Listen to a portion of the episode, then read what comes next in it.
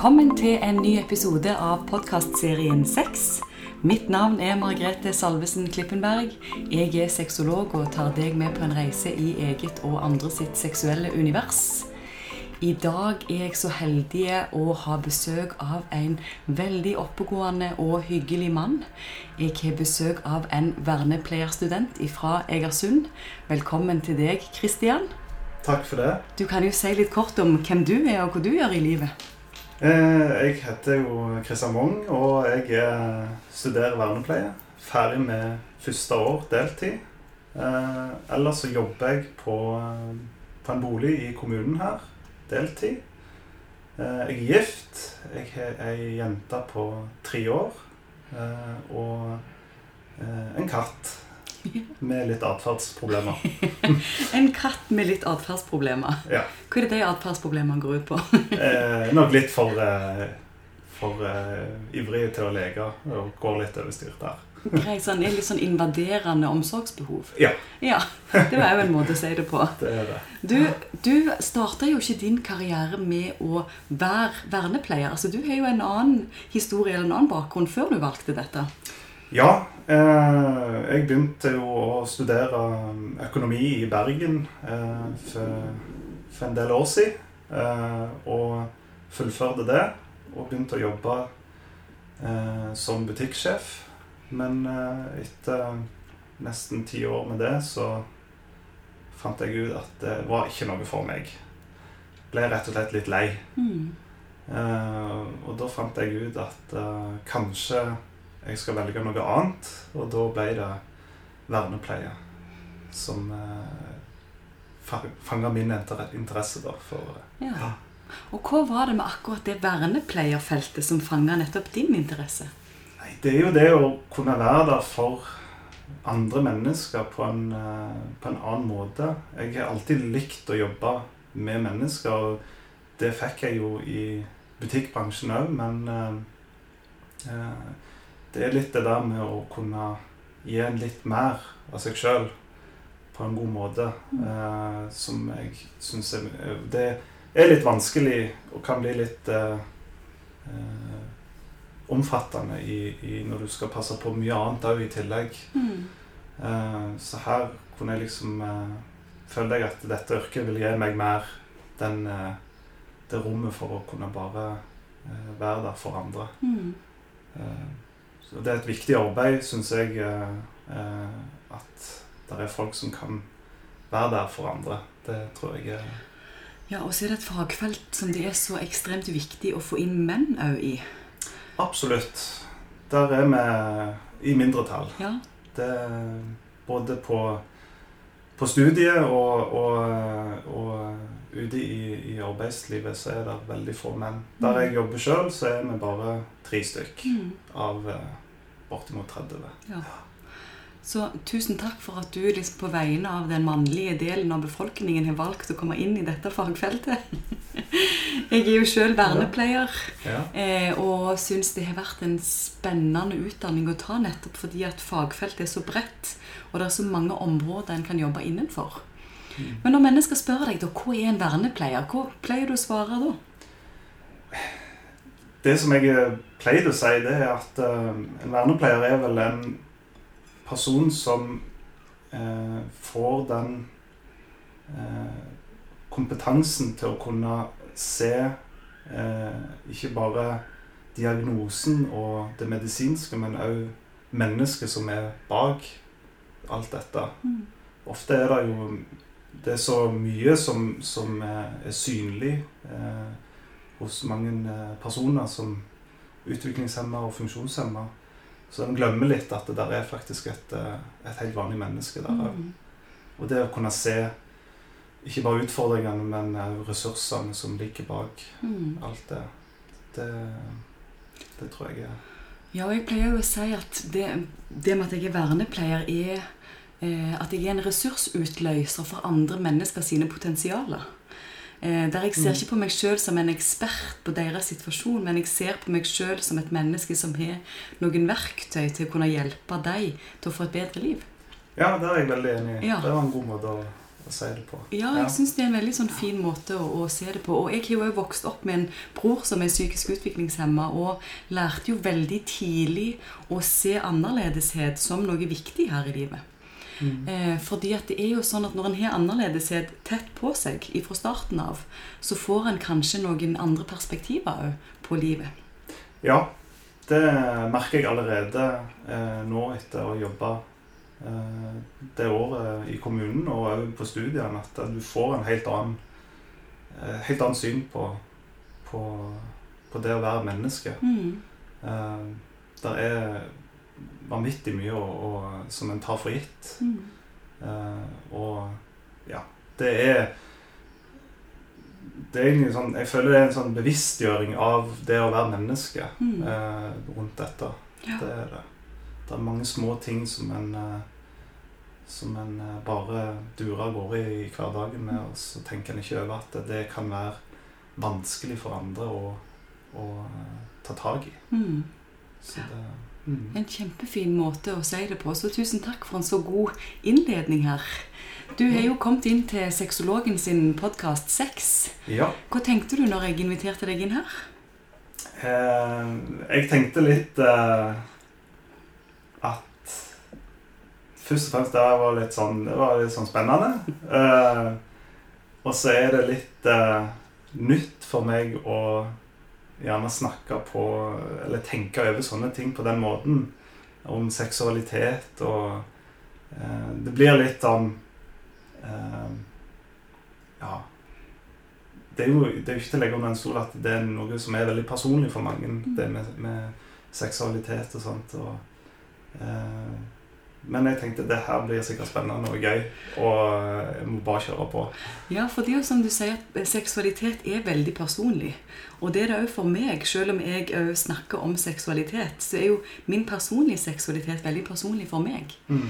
Og det som da er viktig, det er jo å tenke igjennom hvordan vår seksualitet påvirker de menneskene vi skal jobbe med, spesielt som vernepleiere som alle mulige slags tjenesteytere, egentlig. Mm. Fordi at alle mennesker har jo en seksualitet, og når vi skal jobbe med det, så må vi tenke igjennom det. Og jeg møtte jo deg Jeg var underviste for vernepleierstudentene på høgskolen. Mm. Og der satt jo du i salen, og jeg visste du var fra Egersund. Jeg syns det var veldig kjekt å se deg der. Ja. Eh, hva satt du igjen med av tanker og refleksjoner etter den forelesningen som jeg hadde for dere? Eh, jeg satt igjen med en eh jeg fikk en liten sånn aha-opplevelse. For der Akkurat det der har jeg ikke brukt så mye tankegods på eh, tidligere i livet. Eh, det med folk som har en funksjonshemming som er krevende, eh, eller en utviklingshemming som er krevende, at de faktisk òg har de behovene eh, som, som du snakket om eh, rundt dette, da. Um, at det faktisk er Det er en del av deres liv òg. Eh, å kunne få lov til å kjenne på dette. Mm. Um, at de, det med seksualitet ikke bare er det som gjerne første tankegang kommer inn. Eh, samleie og reproduksjon og, og det men, men det handler òg om, om, det å ha nærhet og mm. intimitet til, mm. til andre. Ja. Um, så det, det, var utrolig en sånn tankevekkende forelesning. Det, ja. det var det mange som syntes. Ok, fordi at det er jo veldig fint for meg å høre at det var en tankevekker. Nettopp fordi at det er et fagfelt som fremdeles er veldig underkommunisert og ganske tabubelagt. For som jeg sa i stad, det er så personlig at når en da skal gå inn og snakke om andre sin seksualitet, så kan det bli krevende for folk flest faktisk å gjøre det. Mm. Og det første jeg ofte starter med i en sånn sammenheng, det er jo å diskutere litt rundt det, hvor viktig det er å være bevisst sin egen seksualitet og sine egne holdninger og fordommer. Mm. Og hvor åpen eller hvor privat en er. Hva tenker du om, om, det med å være hjelper og være bevisst din egen seksualitet og ditt eget forhold til det, for å kunne være der til, til støtte og hjelp for andre? Der tenker jeg at uh, du må Det som er viktig i forhold til å være det som du sier, bevisst på, på, på deg sjøl, det er at uh, det blir ofte at du styrer etter det som du eh, mener er riktig og, og, og galt. Mm. Eh, men jeg tror det er viktig at du har Når du vet, du er klar over hva du sjøl tenker og i, i, eh, i forhold til seksualitet, så at en òg bare er åpen for å høre på hva andre òg mener. Mm. Eh, og tåre å stille de spørsmålene som gjerne du normalt sett ikke ville stilt i, til andre. Mm. Men en, det er gjerne en nødvendighet for å kunne få de videre på veien i, i livet, eller med et, en utfordring de har. Mm. Noe som er skjedd. Eh, og da tror jeg det er viktig at en eh, vet hva en sjøl tenker, og, men også, og dermed kan en òg være litt åpen for, for tankegang. Og hvis det er i tråd med den du snakker med, så kan du komme med dine meninger. Mm. Men eh, jeg tror jeg òg skal være litt forsiktig med det med å tre eh, sine egne meninger over på andre. Mm. Eh, for dette er et stort tema, og det er mye, mye forskjellig som, som er der ute.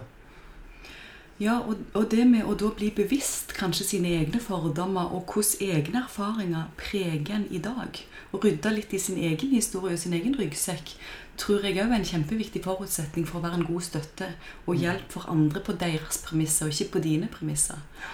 Eh, Det er jo litt sånn som jeg tenker at Hvis du da har et veldig problematisk forhold til homofili, f.eks., og du skal jobbe med mennesker som kanskje har en homofil legning, Ja. så vil det jo da òg være vanskelig for mange å støtte den prosessen.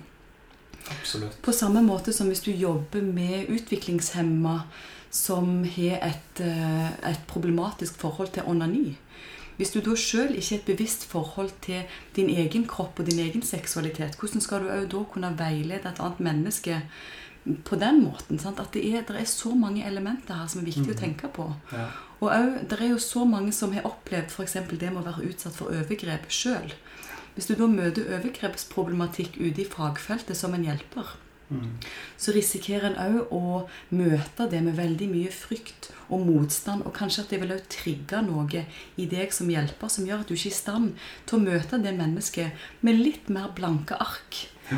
Så, så derfor så er jeg så opptatt av at vi er nødt for å være bevisst på våre egne erfaringer, hva vi har med oss, og ha et bearbeida og avklart forhold til det, sånn at ikke man projiserer ut sin egen seksualitet og frykt på andre mennesker. Mm. Hva tenker du om det? Eh, nei, det er um, Jeg er veldig enig i at det er, det er et sånn minefelt. Eh, og det, det er viktig å trø riktig på, på, på sånne ting, for det er veldig eh, Det er veldig følsomme områder for mange, spesielt når, med tanke på sånne overgrep. Mm. Eh, det er veldig lett å tenke eh, feil der, tror jeg. eh, At en ikke eh, viser den medfølelsen som må gjerne til for kanskje å få en, en bedre samtale rundt det, Mm. eh, og få hjelpe dem. Um, så der eh, Og det er jo noe du bør trene på, tror jeg, og, Mm. og tenke gjennom. Ja, og kanskje til og med rollespiller som studenter i praksis på situasjoner som kan komme opp. Hvordan vil en Mm. møte da disse tingene mer sånn kommunikativt? Ja. Fordi at vi er jo oss sjøl òg når vi er på jobb. ja. Eh, Så det er jo eh, det er vanskelig, og det er vanskelig for mange å møte det på den måten. Hvis du aldri har snakket om det, hvis du aldri har snakket om seksualitet, og du har et veldig eh, tabubelagt forhold til din egen seksualitet, hvordan skal en da snakke med andre om deres seksualitet? ja da, da blir det veldig vanskelig å, Ja. å ta de, de samtalene der. Det gjør det. Hva er dine erfaringer med arbeid knytta til seksuelle tematikker, som enten student eller dersom du arbeider? Hvor, hvor bevisst forhold har en til det med å jobbe med seksualitet? Jeg har ikke så mye erfaring eh, på å si ennå eh, i forhold til det. Eh, men jeg har en følelse av at det er en dialog på, på arbeidsplassen rundt det. Eh, men det er ikke, ikke noen sånn direkte erfaring med det ennå, jeg. Det, men jeg tror det er viktig å, å, å allikevel ha en, eh, en liten sånn drøs av og til når det passer seg. eh, rundt det, da. Det er det. Ja, og da kommer vi inn på det som jeg syns er et kjempesentralt område når en skal hjelpe andre mennesker med seksualitet. Det er å skape det som kalles et seksualvennlig miljø. Ja. Hvor ligger i det for deg? For meg så tror jeg det handler egentlig mest om at en eh, tar, tar det opp, tar temaene opp litt. Eh, hvis en er siktet til å skape et seksualvennlig miljø, hvis det ikke eh, ligger noe konkret til, til stede, Mm. så, så tror jeg det handler om å, å ha eh, gode dialoger. Som du sa, med det med å ha rollespill, kanskje. Øve, trene. Eh, for å kunne møte hvis det skulle oppstå noe. Eh, så tror jeg det er viktig i eh, Kanskje òg hvis det er en ressurspersoner på arbeidsplassen som kanskje har eh, en utstråling som kan eh, hjelpe å få en, en bedre eh, dialog rundt dette som en samtalepartner da eh, for brukere. Mm. Eh, at de tar eh, kanskje kurset seg hvis de mangler litt faglig kompetanse, for å bli litt eh, flinkere til å kunne eh, møte de eh, spørsmålene som kan dukke opp, Mm. eller, eller de vonde tingene som kan dukke opp. Mm. Så det, det tror jeg er veldig viktig for med det miljøet som en er tenkt å skape. da. Mm. Men for et seksualvennlig miljø handler jo definitivt om det med å legge til rette for at seksualitet er et tema på arbeidsplassen. Ja. Og det vil jo selvfølgelig være forskjellig fra arbeidsplass til arbeidsplass hva som er relevant å ta opp, og hva som er viktig. Mm. Men, men måten en ser dette på i praksis, er jo ofte det med at det er tilgjengelig en sånn boks med kondom på helsestasjonen f.eks. Ja. Det inviterer jo til at ungdommer ser at oi, her kan en snakke om seksualitet, for her står det kondomer tilgjengelig. Mm. Eller at det henger plakater på eldresenteret av at det er en temakveld om alderdom og seksualitet. Ja. Det kan òg være at seksualitet kommer inn som et eget punkt i IP, altså individuelle planer som utarbeides for enkeltmennesker. Og det kan òg være at det er ulike brosjyrer, ting som ligger tilgjengelig på de ulike arbeidsplassene, som signaliserer at her er det rom for å spørre, og her er det rom for at seksualitet er en viktig del av miljøet her. Ja. Det tror jeg absolutt er noe som er du, du, kan dette. Ja. Ja. Jeg syns du ikke er inne på noe. ja, Du er inne på noe. Jeg er veldig enig. Det, det, Og da er det jo òg veldig viktig at når en skal inn og arbeide med enkeltmennesker, og hvis en da skal ha inn seksualitet i individuelle planer f.eks., eller i rammeplaner til barnehagen, eller det kan være hva som helst, mm, men at en da er åpen og nysgjerrig, det betyr ikke at en trenger å kunne alt om denne tematikken. Men det handler om å ha en åpenhet for at dette òg er viktig. At det er en viktig del av det med å være menneske. Fordi at vi kartlegger jo ofte fysiske behov, psykiske behov, sosiale behov. Men seksuelle behov blir ofte ikke tatt med inn i vurderingen. Nei, det, det stemmer nok veldig. Ja. Det tror jeg mange unngår, egentlig. Hvorfor er det ennå så vanskelig, og hvorfor er det ennå sånn at man unngår å komme der? Det tror jeg har Det er jo veldig personlig. Eh, Det er jo det. Mm. Eh, Men så er det jo det at eh, Jeg tror ikke en har trening nok i å kunne Det er så mye annet enn gjør i dette feltet eh, som en på en måte du, du legger til side dine personlige eh, meninger og i forhold til stell og sånn, du bare gjør det som må gjøres. Eh, og dette blir dette er så følelsesmessig eh, tema òg at eh, jeg tror det er veldig vanskelig å omstille seg litt der.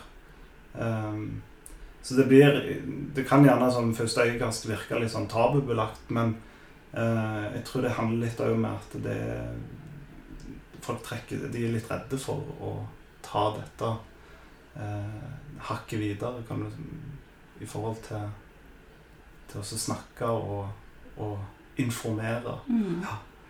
Ja, og som du òg sier, at som mennesker så er vi så redd for å invadere andre sine personlige grenser.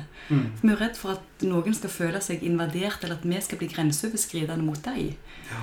Så det er jo òg et litt sånn tema her. fordi at man, man, ønsker jo ikke det. Man ønsker jo å kunne være en hjelper og legge til rette på best mulig måte mm. uten å føle at en utøver makt. Ja. For makt er jo et veldig viktig begrep med det med å være ja, en hjelper, som jeg kaller det da. Ja. Det er, makt er du veldig mye borti uh, uansett. Selv om det er noe en prøver å unngå. Mm. Så, så, kommer makt i, i, mange former og farger. Ja. Uh, og der blir det jo fort at en uh, trør feil. og en blir gjerne bevisst på det, at det skjer, og føler seg ikke god etterpå. Mm. så det tror jeg henger litt i sammen med det. Har du noen tanker om hvordan man utøver makt i dagliglivet til andre mennesker på den måten? Um, der tror jeg du må være uh, ekstremt bevisst på du, hvordan du gjør det. Uh, hvis det er snakk om å utøve makt. Uh, for hvis det er eneste utvei, så må du gjøre det iallfall på en måte som er at du prøver å ivareta verdigheten til den du utøver makt over. Mm. Og det trenger ikke være uh, fysisk makt. Det kan være uh, ting du sier, eller uh, måten du sier det på, mm. som kan være nedverdigende for, for personen du mm. snakker med. Um, jeg tror òg det er mye Det er jo mye skjult makt i, i bildet her òg eh, som ikke egentlig ser. Og det er måten du sier ting mm. på. Eh, at du gjerne kommanderer, men du kan heller stille et spørsmål. Mm. Men at det, du har ikke noe valg, mm. eh, egentlig. Men, men eh, det, jeg tror det handler veldig mye om å prøve heller å tenke på verdigheten til, til dem. Mm. Eh, for det, det, er bare sånn Du må, du må noen ganger gjøre det. Eh, men det er jo, en jobber jo hele veien med å prøve å unngå det. Pakke det inn på en annen måte. Ja, og det med å ha en bevissthet rundt det er jo også ekstremt viktig. For det kan jo handle bare om en så enkel ting som å bestemme hvor noen andre skal ha til middag. Ja. Uten at du er spurt. Mm. Så der, Det kan jo være et eksempel på en eller annen form for makt som en ikke er bevisst på. Ja. Fordi at en gjør noe i beste hensikt. Som regel er det det. Ja, som regel så er det det. Der er gode intensjoner bak. Mm. Men det handler jo òg om å se det mennesket der det er, med den verdigheten og egenrådigheten som det jo faktisk er å være et enkeltindivid. Mm. Det er jo ikke verre enn å liksom sette seg sjøl inn i samme situasjon og tenke hvordan ville jeg hatt det hvis det var jeg som var i en situasjon der jeg var hjelpetrengende og hadde behov for hjelp fra andre. Ja. Hva hadde du da trengt? Hva hadde du hatt behov for av dine hjelpere hvis det var deg? Har du tenkt på det noen gang? Nei, det har jeg ikke tenkt på, egentlig.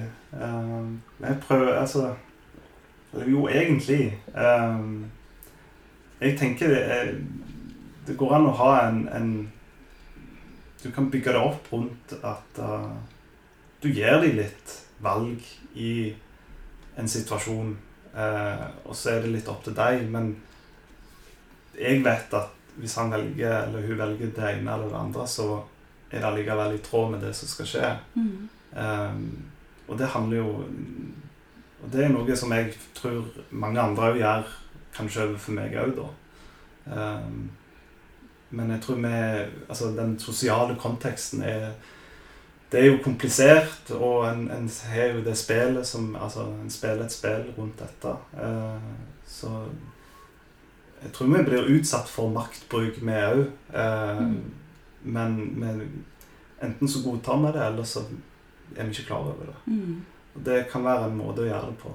Eh, og da er det jo òg at du har ikke gjort det du, En jo ikke, skal jo ikke være stygge med hverandre. Det er ikke noe en vil heller. Mm. Det er ingen som vil være stygge med noen. Mm.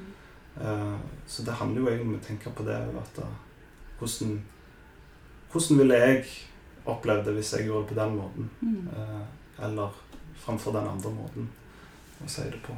Ja, og det må sette seg sjøl i den situasjonen at det er du som er den som har behov for hjelp, eller det er kona di eller ungene dine eller broren din, eller det kan være hvem som helst. Mm. Og hvordan ønsker en da at behovene skal bli møtt og ivaretatt? Ja.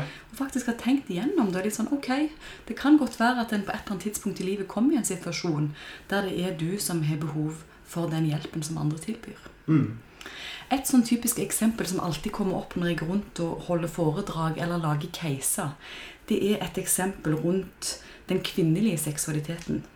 Eh, og det er jo Det som alltid kommer opp, det er eh, hvis det er ei ung psykisk utviklingshemma jente som f.eks. velger å skifte seksualpartnere hver helg. Mm. Hvordan skal man da forholde seg til det? Det syns jeg alltid er et veldig interessant spørsmål å stille ut. Og så er det veldig interessant å høre hva som kommer tilbake.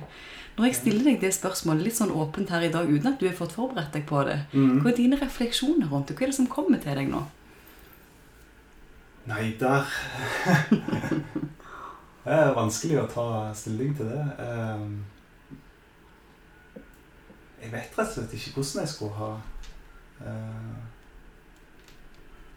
Jeg måtte jo ha tenkt på gjerne inn, altså tenke konsekvensene av å, å, å holde, ja, altså holde på på den måten der. Mm. Eh, det, det er jo konsekvenser som alle ville ha opplevd. Mm. Eh, og så er det jo det om, om Nei, jeg, jeg vet ikke så mye mer. eh, Nei, men du, du sier det veldig fint, for du sier det svaret som ofte kommer på den ene sida, og så kommer det alltid et annet svar på andre sida. Mm. Og nå er vi jo inne i det som kalles selvbestemmelse og definisjonsmakt. Ja. Fordi at når en skal være der på vegne av andre, Mm. så har en jo da plutselig definisjonsmakt til å mene noe på vegne av andre. ja, det er det. Sånn at du går jo med en gang inn i det som kalles konsekvenstenkning, som er en kjempeviktig plass å være. Mm. Og så er det veldig mange andre som ville sagt at ja, men det er hennes liv. Sånn at hva konsekvenser som kommer ut av det, det må være opp til hun og der hun er i sin livskvalitet, og hva som defineres som livskvalitet for akkurat hun. Ja. Hva tenker du når jeg sier det sånn? ja, det var jo litt mer Da Ja. Det med selvbestemmelse og, og det la det flyte litt sjøl, det Og heller ta tak i hvis det kommer utfordringer, tenker jeg da. Mm. Heller ta det der og da, Mm. enn å bare tenke forebyggende. Mm. Eh, For det er jo det jeg på en måte tenkte i stad. Det å prøve å forebygge. Som selvfølgelig er en veldig viktig del. Og forebygging starter jo òg med at en tør å ha åpenhet for et seksualvennlig miljø. Mm. Der en òg kanskje snakker om konsekvensene av eh, tilfeldig partnerbytte. Mm. Det med prevensjon, f.eks. uønska graviditet, abort. Ja. Konsekvenser, som du sier. eh, Det med å få seksuelle sykdommer. Mm. Det med å bli utnytta kanskje av andre. Sånn at det kommer jo så mange perspektiver inn når en stiller akkurat det spørsmålet. Ja. Og samtidig så får du inn det aspektet på hvem er det som er definisjonsmakt til å tenke hva som er rett og galt for akkurat det mennesket. Mm. Og det er jo der en i ei personalgruppe vil møte ekstremt mange forskjellige meninger om Ja. akkurat det spørsmålet. Mm. Og det er jo nettopp derfor det er så viktig å løfte opp diskusjonen rundt det. Fordi at når det spørsmålet kommer opp, så vil vi svare med utgangspunkt i våre egne erfaringer, våre egne verdier, våre egne fordommer, ikke minst, og våre egne holdninger rundt det med å ha f.eks. mange seksualpartnere. For da er det jo noen som vil tenke at ja, men det spiller ikke noen rolle. Hvem som helst kan jo gå ut og ligge sammen med noen hver helg. Ja. Mens noen andre ville tenkt at ja, men herlighet, sex hører jo ekteskapet til. ja. Så er det da plutselig to kontraster i en personalgruppe som da skal plutselig finne ut på vegne av et tredje ledd hvordan det skal være for akkurat det mennesket. Mm. Hva tenker du om det? Nei, jeg tenker at det Jeg tror eh, det som er viktig da, er jo at en, en, en spiller det opp på den måten. Eh, og tar inn de forskjellige elementene i Hvis det er snakk om å, å eh, ta noen avgjørelser da på i forhold til dette. Eh, at en må ha alle sidene ved det, eh, og se på mulighetene, da. Mm. Um, og så Men samtidig er jo det der med, med definisjonsmakt eh, Som er det veldig lett å, å dette inn i den der eh, å, å ta de avgjørelsene på, på vegne. Mm.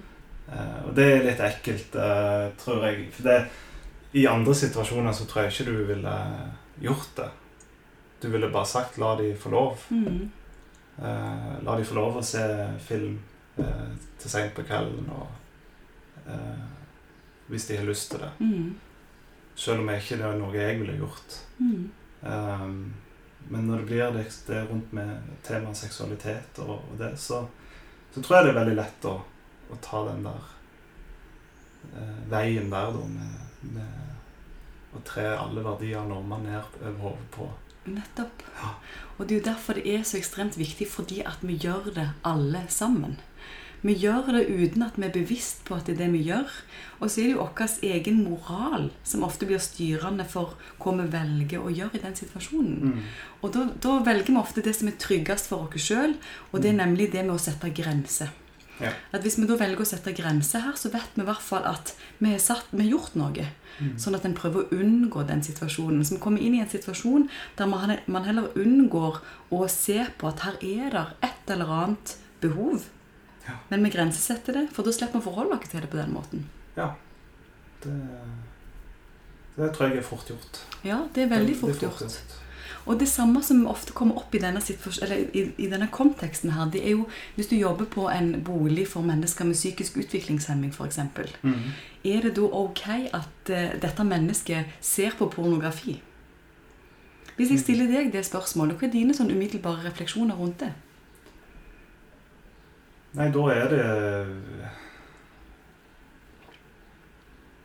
Jeg tenker at det ikke Det, er jo, det må jo være greit. Mm. Eh, men det blir fort Jeg tenker fort i den eh, banen at da må du gjøre det eh, når du er alene. Mm. Eh, og helst eh, ja, at ikke en Når en kommer inn i leiligheten eller noe sånt, at det, det står på. Mm. Kan fort bli en, en tankegang og eh, gjerne et krav. Mm. Um, men det er jo da eh, Det er jo vel Altså, det blir jo Privatlivet er Altså, alle har rett til å ha et privatliv. Mm. Eh, så om en velger å bruke noe av den tida til å se porno, Mm. eh, så må de få lov til det. Mm. Men der er, det, jeg tror det fort vil bli satt noen, allikevel noen grenser der. Mm. Det vil det. Og her sier du to veldig viktige ting som jeg plukker opp. Det ene er at der er, alle har rett til et privatliv, og at hvis de ønsker det, så må de få lov til å se på porno. Det er det forresten majoriteten av menn svarer akkurat det.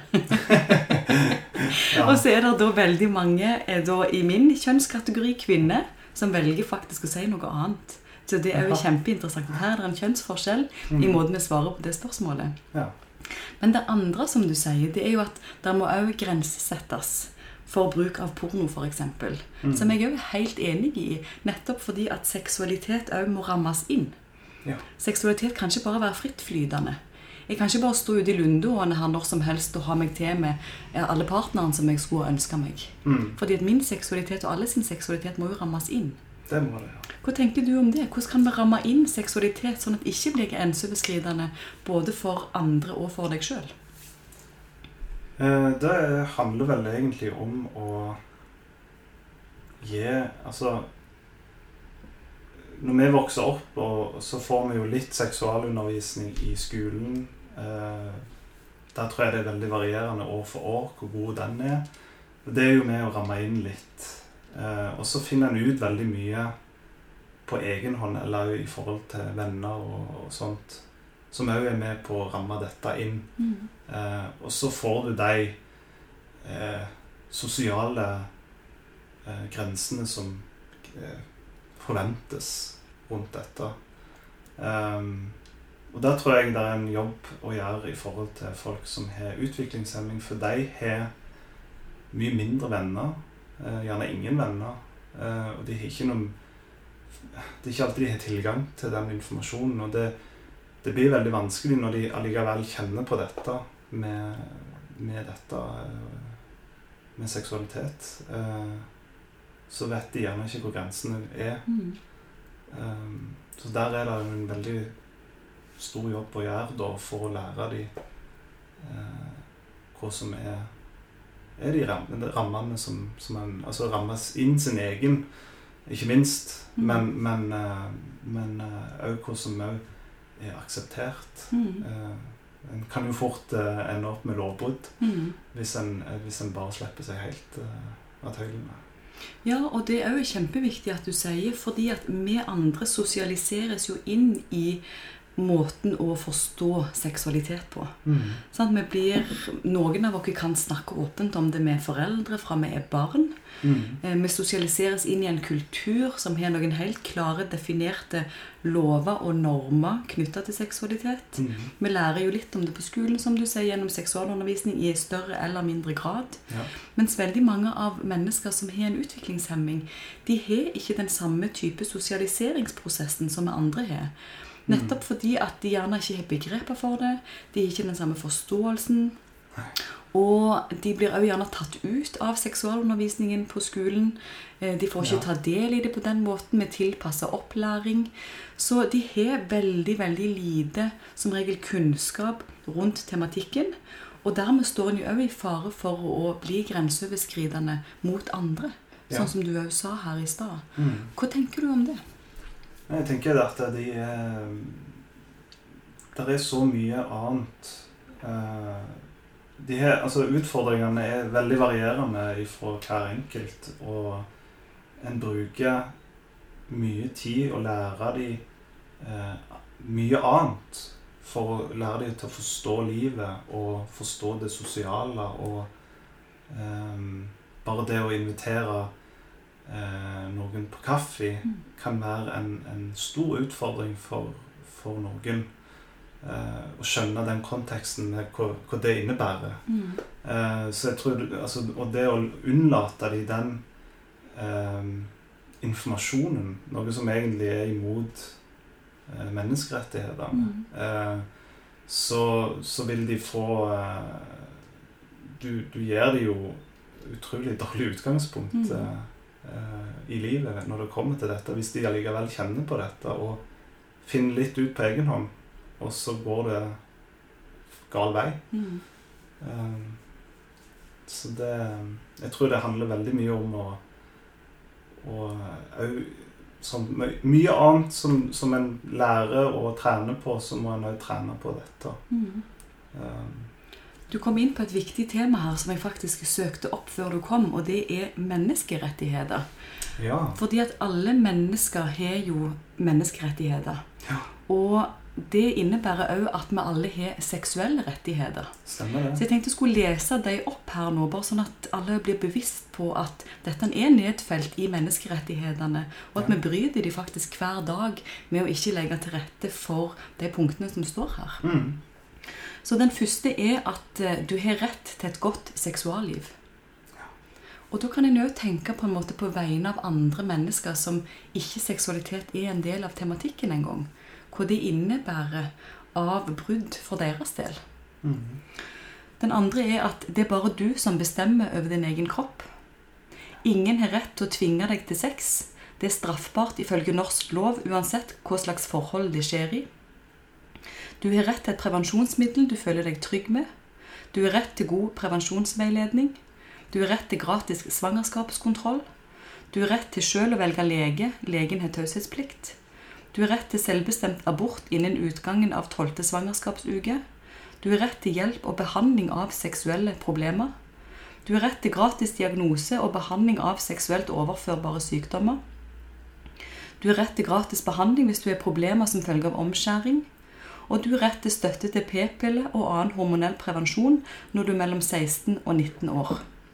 Og så har du òg noen plikter i forhold til rettighetene, som jeg nå leste. Jeg skal bare si deg òg at du har plikt til å respektere andres grenser for seksuell nærhet.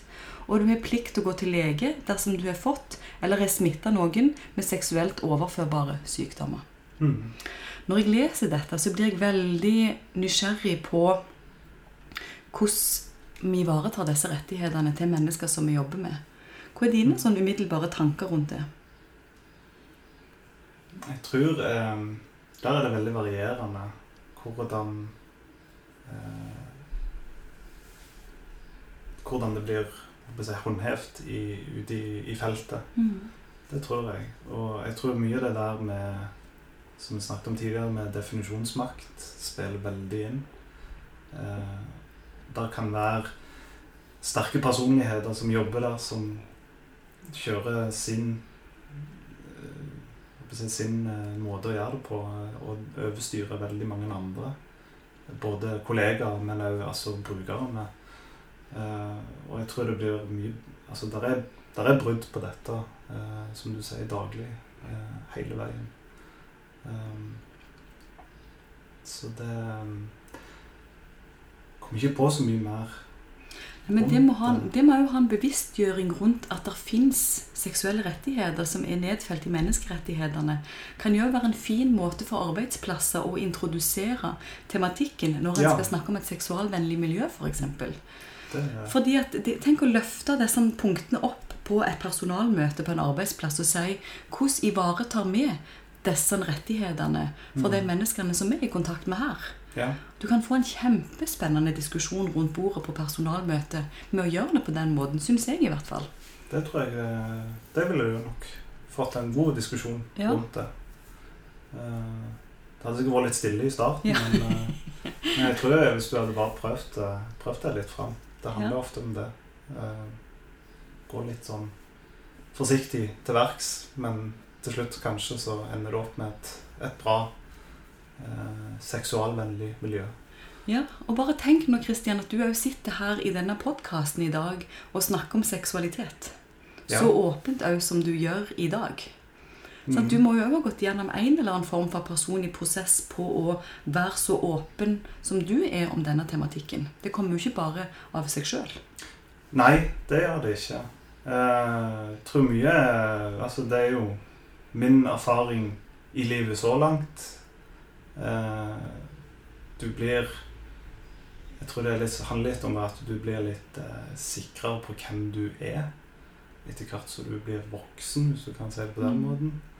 Eh, men så tror jeg òg det med eh, I forhold til den utdanningen, men òg det jeg har sett det siste året med, med, jobb, at ting er mye mer enn det en tror.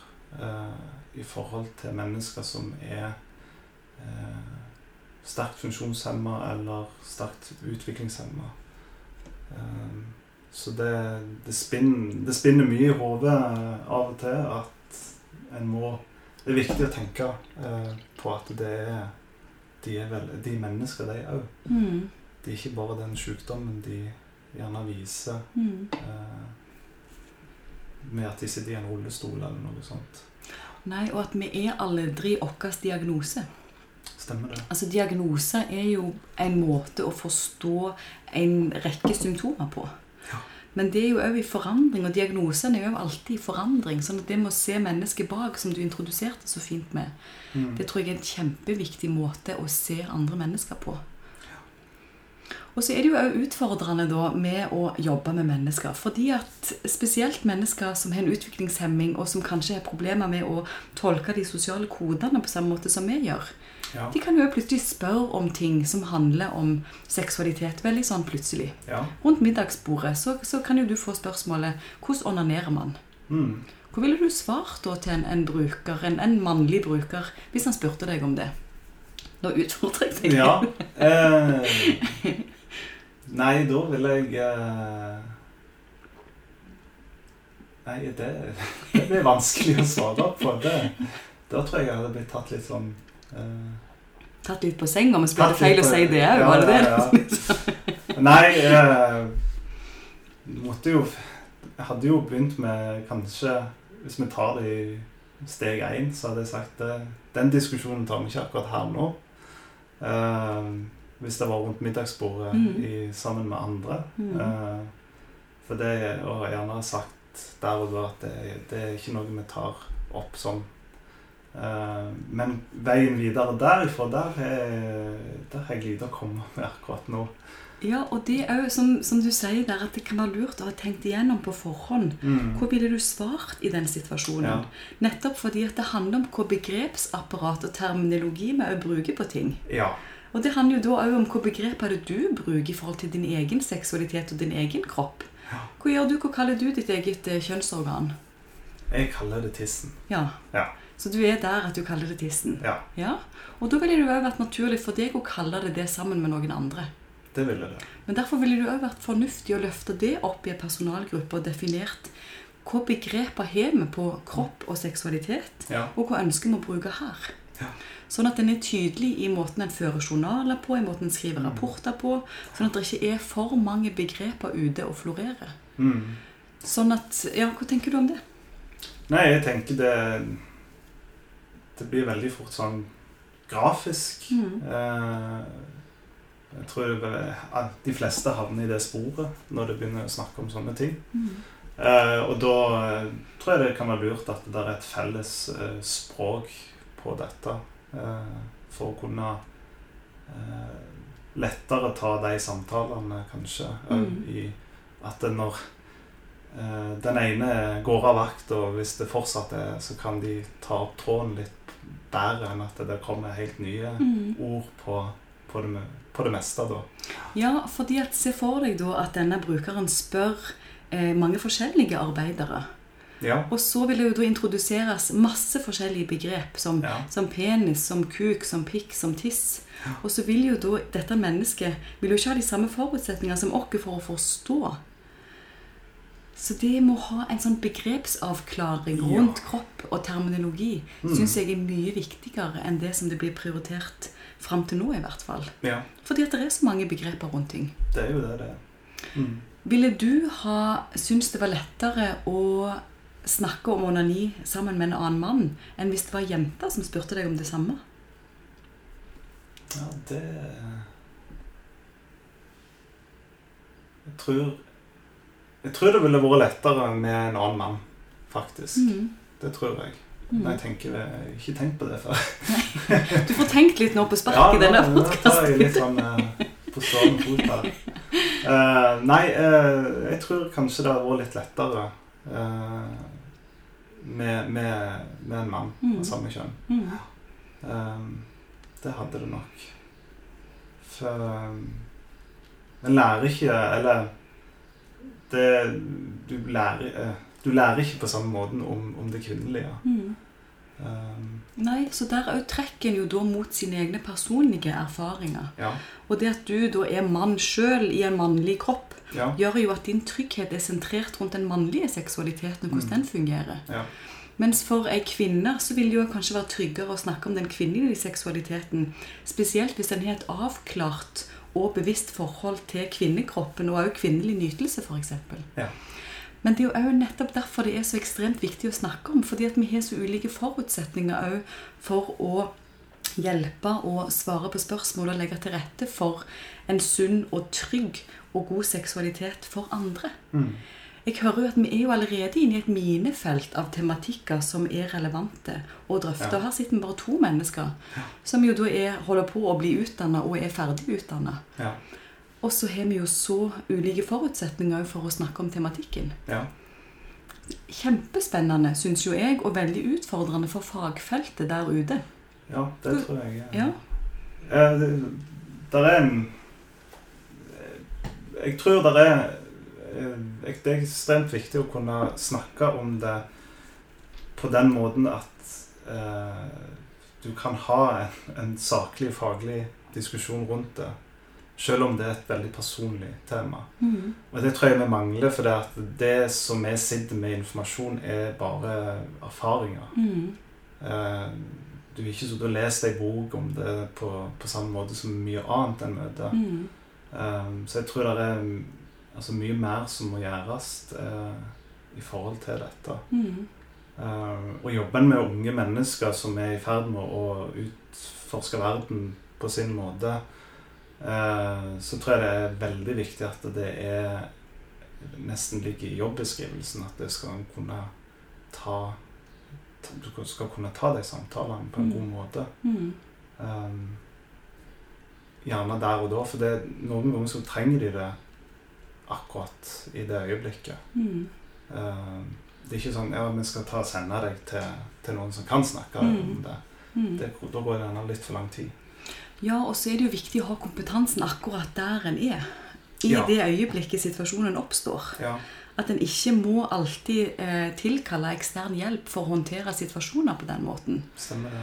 Så jeg syns det er så viktig å få komme ut til de ulike arbeidsplassene og bidra til å nettopp skape et seksualvennlig miljø Mm. med den gruppa som det arbeides med akkurat der. Ja. For litt sånn som jeg var inne på i stad, denne gruppa som vi snakker om her, de Mm. er jo definitivt ei risikogruppe både for å bli utsatt for overgrep, men Ja. utsette andre for overgrep. Nettopp fordi at en har helt, et helt annet forhold til den sosialiseringsprosessen som vi har snakket om. Ja. Fordi at For veldig mange av disse menneskene så vet de ikke heller hva ei seksuell grense er for noe. Eller hva loven sier, eller Mm. hva som er rett og galt i denne sammenhengen. Nettopp fordi at ingen har snakket med dem om det. De har ingen referanserammer på det. Mm. Det samme i forhold til det med å utsette andre for overgrep.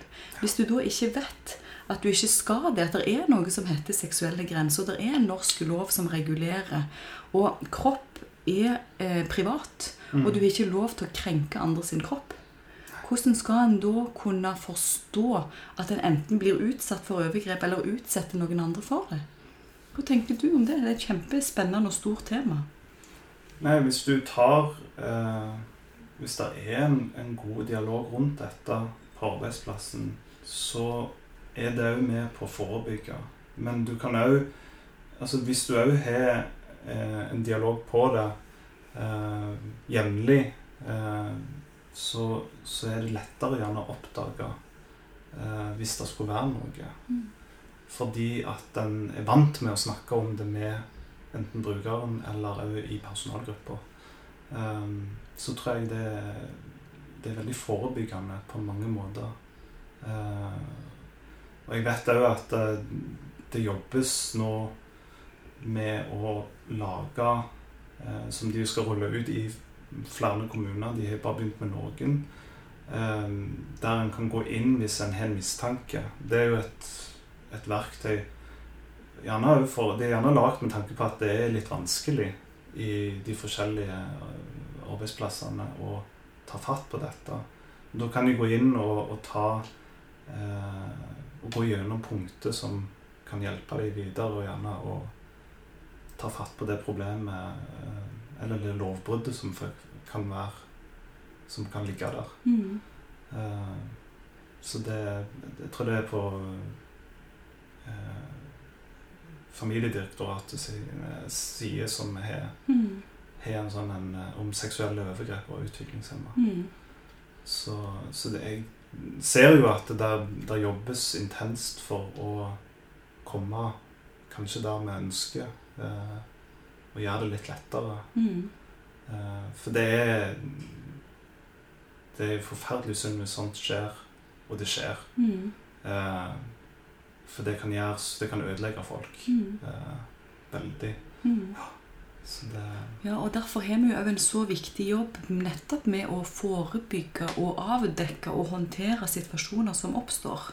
mm. Og Derfor så må det jo være et grunnleggende premiss at vi i hvert fall tør å snakke om det. Ja. For hvordan skal en da avdekke og forebygge når en da ikke har en åpenhet rundt å snakke om det? Nei, det er han som var hadde en foreleser som Eller en, en, en gjesteforeleser som snakket om dette fra Familiedirektoratet. Og han sa det han hadde vært på, på utallige arbeidsplasser og spurt er der, er der foregår der noe. Mm. Og der, der han får til svar at sånt skjer ikke her. Og da Altså Men det skjer. Mm. Det skjer overalt, og det skjer hele veien. Mm. Eh, og det er en forferdelig tanke å, å, å ha. Mm. Det, så så han, eh, han var veldig klar på sin misjon om at dette er noe vi må ta fatt på framover. Mm. For det er Det er jo ikke noe Det er jo ikke noe fint eh, å tenke at sånt skjer, Mm. faktisk. Og det, det var, han sa det flere ganger. Det skjer. Det skjer, og det er en del av hverdagen til veldig mange. Og vi kan Mm. ikke lukke øynene for ting som gjør vondt, bare fordi at det gjør vondt. Vi er Sånn. nødt for å tåle å se all den uretten som òg skjer i verden, Mm. for å òg kunne stå opp mot det og håndtere det og gjøre noe med det. Ja. Og nettopp derfor så må vi jo løfte denne diskusjonen og ha en åpenhet rundt det og snakke om det. Sånn at vi kan være de hjelperne som faktisk utgjør en forskjell på Mm. vegne av andre. Og skape trygghet og skape utvikling for de menneskene som faktisk er helt avhengig av den hjelpen som vi tilbyr. Ja. Fordi at de er, de er prisgitt de menneskene bak rollene som vernepleiere, som sexologer, som alle andre hjelpere der ute med andre slags Mm. utdanningshatter. Det er så viktig. Det er altså verdens viktigste jobb vi har, syns jeg.